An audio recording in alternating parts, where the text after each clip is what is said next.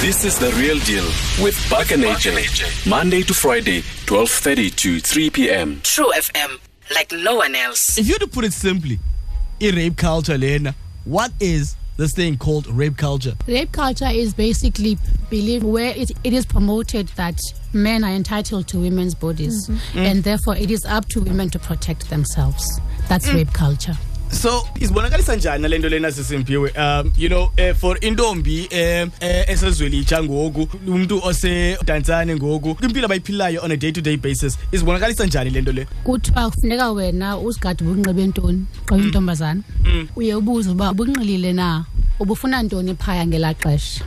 Ubunxibele ntoni int- into emfutshane kangaka? So basically making it seem like you are the one who's to blame for being victimized that's how it shows. Because even if a woman would walk down the street naked hmm. it's her body. Hmm. It's got nothing to do with you. Why would you feel entitled to her body? Because uhambaze ngathi wenzela wena loo nto leyo? Hmm. You know, it's that entitlement that abafana they have over women's bodies kodwa bengenayo ngoba kaloku thina mos asi- asikhulisa uba kuthiwa xa indoda ilahlile phaa isele you can go and, and, and you know i- it's their fault it's, it's their fault uba wena uzenzele ngoba why yena enxilile And, you and know? you- ukhibona le nto lena because amadoda abonwa as i-providers so if Providers key. iwale- iwallet yakhe njengoba enxilile it was his fault kuba enxilile kind of thing you know Okay, um, okay, even that is a fallacy. Uh-huh. Men are not providers. okay If, you- if, you, if you look at now, I'm, I'm actually being very serious. Mm. Maybe they're supposed to be, mm. but that's not the reality. 80% of black homes are single mother homes. Mm. yeah that's a great point uh-huh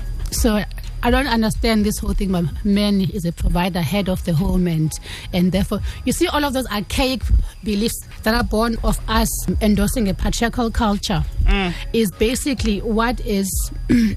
delaying our, our evolution and our development as black people also. So the same way that um, we had to overcome racism where racism says that the white man is ordained by God to be superior to the black man. It's the same way that we have to get rid of sexism or, or patriarchy because patriarchy says the same thing. The man is ordained by God to be superior to the woman. Mm. Those are all untruths. They are based on nothing that is true. Mm. And we have to slowly change this because also what happens is that patriarchy does not basically see the man as much. A man sub- subscribes to their basest feelings, like a man's an animal. No, a man is a thinking, reasoning being. Mm. You know, us basically letting men get away with so much rubbish is basically saying that we don't think much of them. We mm. don't expect much from them. That is not the truth. Mm. Find us online. Stream live on truefm.co.za. Uphinde usimamele kwi-DSTV channel 816. True FM ifumaneka kulo eli like no one else.